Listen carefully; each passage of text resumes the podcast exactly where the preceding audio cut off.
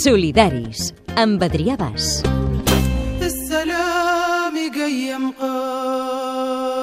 No fem diferències.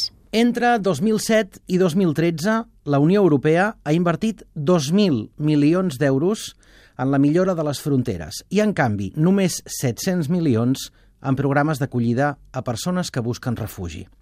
L'Europa, en crisi per la gestió del refugi i dels fluxes migratoris, ha servit per posar de manifest que els nostres principis morals i els valors que ens aglutinen com a Unió no són tan ferms ni tan estables com ens pensàvem perquè reposen sobre fonaments de fang.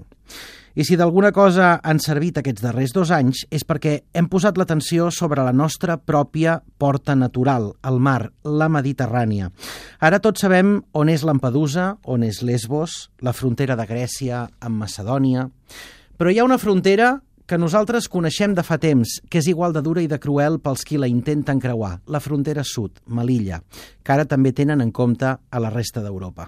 El 21 d'abril, al Centre de Cultura Contemporània de Barcelona, les organitzacions Novact, Fotomovimiento i Iridia presentaran un informe sobre els drets humans a la frontera entre la Unió Europea i el Marroc, una frontera en la que ara ja s'hi barregen els migrants africans expulsats per la pobresa i les guerres i els fugitius de la guerra de Síria.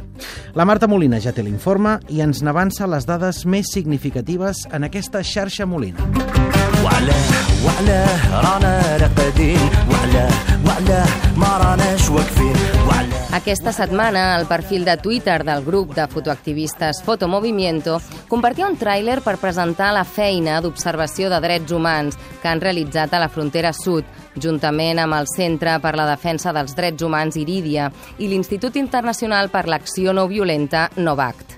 La intenció és començar a difondre píndoles informatives per xarxes fins a arribar al dia de la presentació pública d'aquest informe el proper 21 d'abril al Centre de Cultura Contemporània de Barcelona.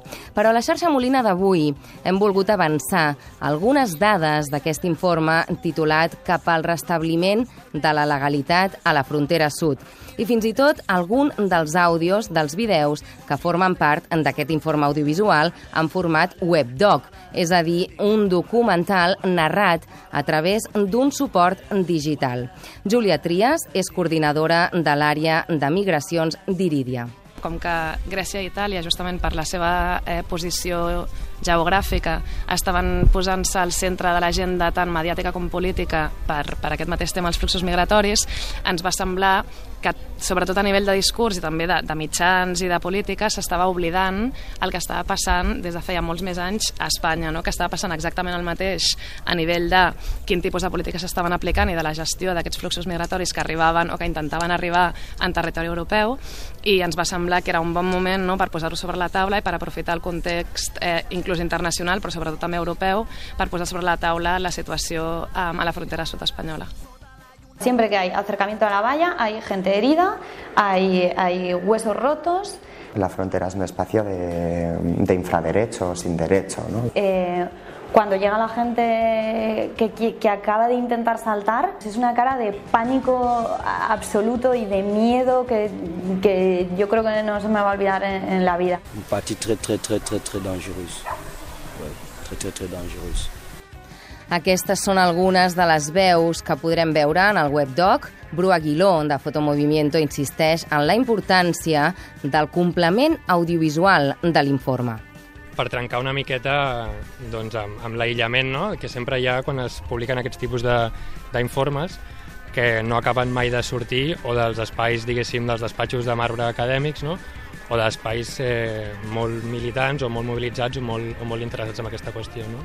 Per tant, si ens trobem al 2017, on el consum, diguéssim, quotidià eh, és immediat i és audiovisual, doncs pensem que, que l'opció, inclús la necessitat per, per centrar el focus polític i social amb, amb les vulneracions de drets humans que, que succeeixen a la frontera sud doncs era, era treballar a partir d'això, no?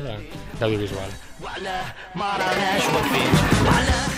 A Nador vam patir eh, seguiments de forma continuada durant tot el dia que vam, que vam estar allà i no, no va ser gens fàcil treballar. Llavors, en el moment en què tu pretens recollir amb audiovisual vulneracions de drets humans i les autoritats i forces i cossos de seguretat d'amb dos estats, i ara entrarem en aquest estat espanyol, et dificulten la feina, doncs ja és un indicador prou clar de quin és l'estat de, de la qüestió.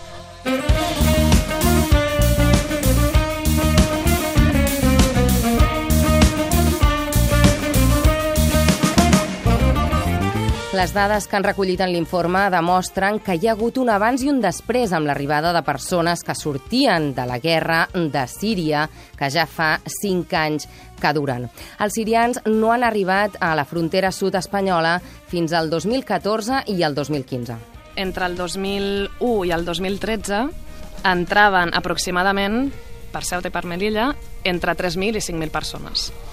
Tot i així, el 2014 entren 7.500 persones, de les quals 3.000, perquè pel que s'ha pogut registrar, són síries. Però és que l'any següent es passa d'una entrada de 7.500 persones al 2014 a 11.600 persones, de les quals, pel que s'ha pogut registrar, 7.100 eh, són síries. Júlia Trias insisteix que la pressió europea canvia també el nombre de peticions d'asil el 2014, a l'estat espanyol, en, en el total de l'estat espanyol, eh, es van fer 6.000 eh, peticions d'asil, 400 des de Ceuta i 500 des de Melilla.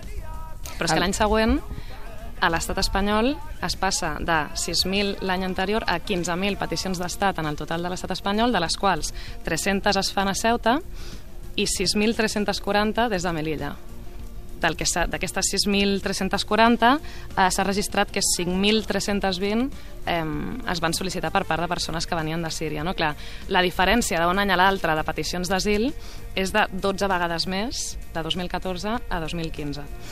A més, una altra dada que es deriva d'aquest informe és que aquestes xifres estan molt relacionades amb el temps d'espera en els centres d'estància temporals d'immigrants, el CETI.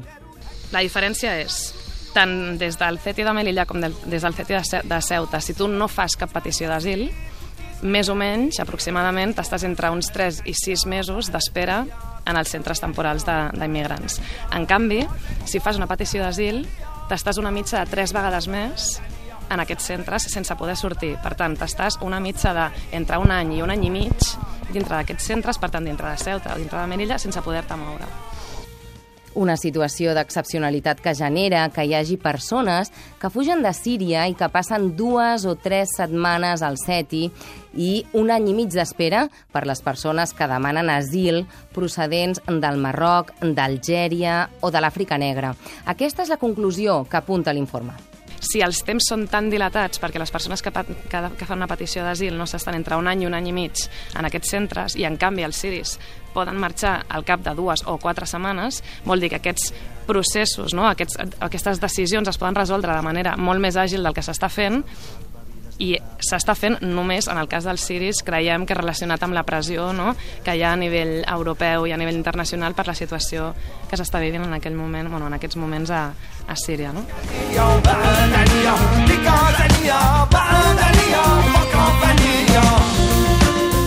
Felip Daza, codirector de Novact, ens explica a què es destina, no on van a parar els pressupostos destinats a migració és interessant comparar-les amb la inversió que s'està produint a nivell global i també a nivell d'Europa, diguéssim, en la inversió en el control de fronteres. No? O sigui, de 2007 i 2013 s'han invertit al voltant de 2.000 milions d'euros de, en, en la millora de les fronteres, mentre que 700 milions s'han destinat a la millora i a l'acollida de les refugiades també aquelles persones que demanen, diguéssim, l'asil. No? En el cas, per exemple, de, de la Unió Europea concretament, podem veure, diguéssim, l'increment 2015-2016 de, de Frontex, no? de l'Agència Europea de Fronteres, de 140 milions a 200, eh, 240 aproximadament milions. No?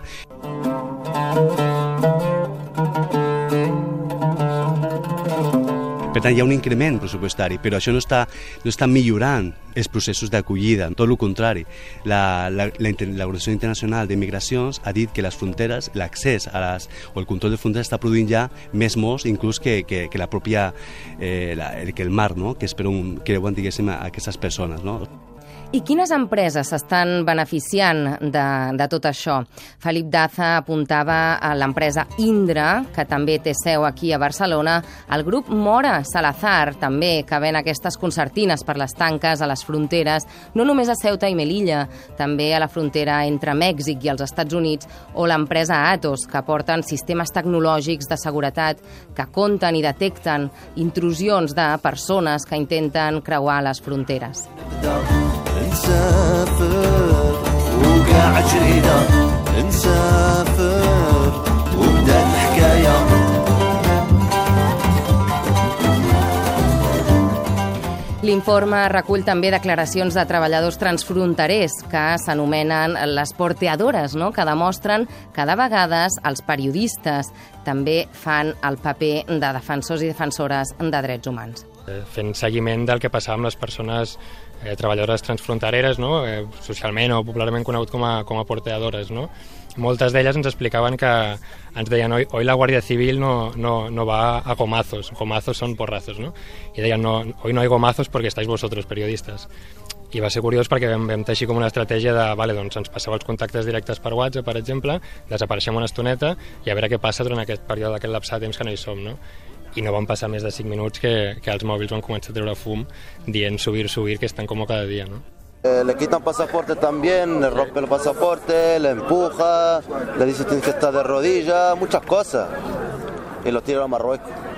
Pero hoy, con nada más han visto los periodistas, no, no pegan la gente. Pero nada más vosotros bajáis, empezan a pegar. Y no van a ordenar a la gente.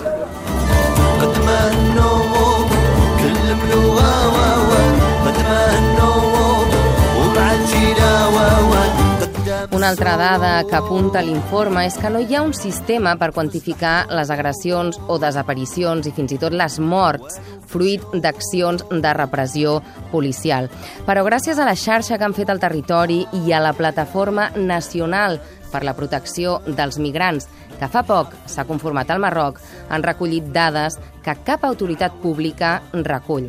Júlia Trias. Entre el febrer i el maig del 2016, aquesta Plataforma Nacional de Protecció de Migrants ha registrat uns 56 casos d'arrest per part de, de les forces policials marroquís en situacions de doncs, les persones que es trobaven als campaments que hi ha a la vora de les valles eh, on, on habiten durant cert temps per després poder intentar saltar les valles. A través d'aquestes redades hi han hagut mm, registrats 56 casos d'arrest que involucraven tant a potencials refugiats com a menors, com inclús a persones que tenien el permís de residència eh, de la zona. No? D'aquests arrestos, el 75% de les persones que els han patit eh, expliquen eh, vulneracions de drets i violència física i verbal per part de la policia i, a més a més, parlen de desplaçaments forçosos a altres regions, normalment al màxim allunyades possible de les zones eh, més properes a, al que són les valles. No? Escoltem la declaració d'un menor no acompanyat que han recollit també per fer aquest informe.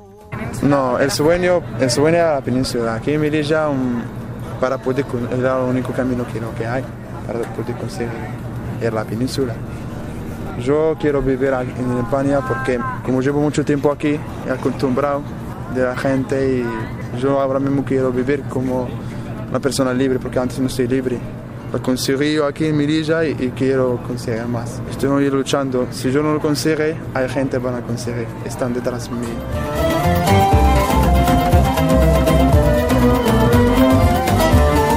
Persones quan salten les valles, una de les coses que comporten les evolucions en calent, que són, que són una pràctica molt freqüent no, per part de les forces de seguretat espanyoles, és que no hi ha cap procés d'identificació de les persones que se les agafa i se les retorna en territori marroquí. Per tant, què passa? Es poden estar retornant en territori marroquí, per tant, en un territori on aquestes persones, la seva vida o la seva llibertat corren perill, tant a persones que potencialment per la seva història de vida poden ser refugiades, no? poden, poden tenir eh, protecció internacional com persones menors. I això passa freqüentment en els salts, en els salts que hi ha a la valla. Per tant, no, no s'han registrat perquè no hi ha els mecanismes necessaris per, per poder fer-ho.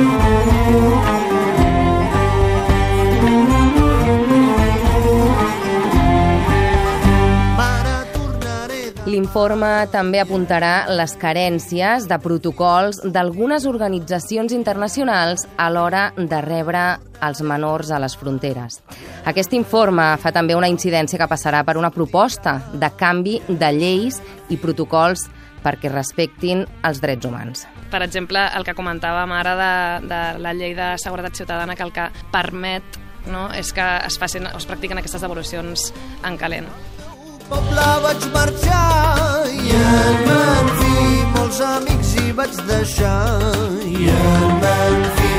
intenció que tenim no és només quedar-nos en recollir les vulneracions de drets eh, per, amb un informe audiovisual i amb un informe escrit, sinó que la idea és anar una mica més enllà i fer una sèrie de propostes de polítiques públiques migratòries que deixin de permetre i que inclús, evidentment, no, que és, és lo desitjable, que és que protegeixin els drets de les persones que intenten arribar, drets de les persones que intenten arribar. Estigueu, doncs, atentes a les xarxes perquè, a part dels avançaments de l'informe que us fem, es llançaran més píndoles amb l'etiqueta DDHH Frontera Sud. I el Manfi, i el Manfi.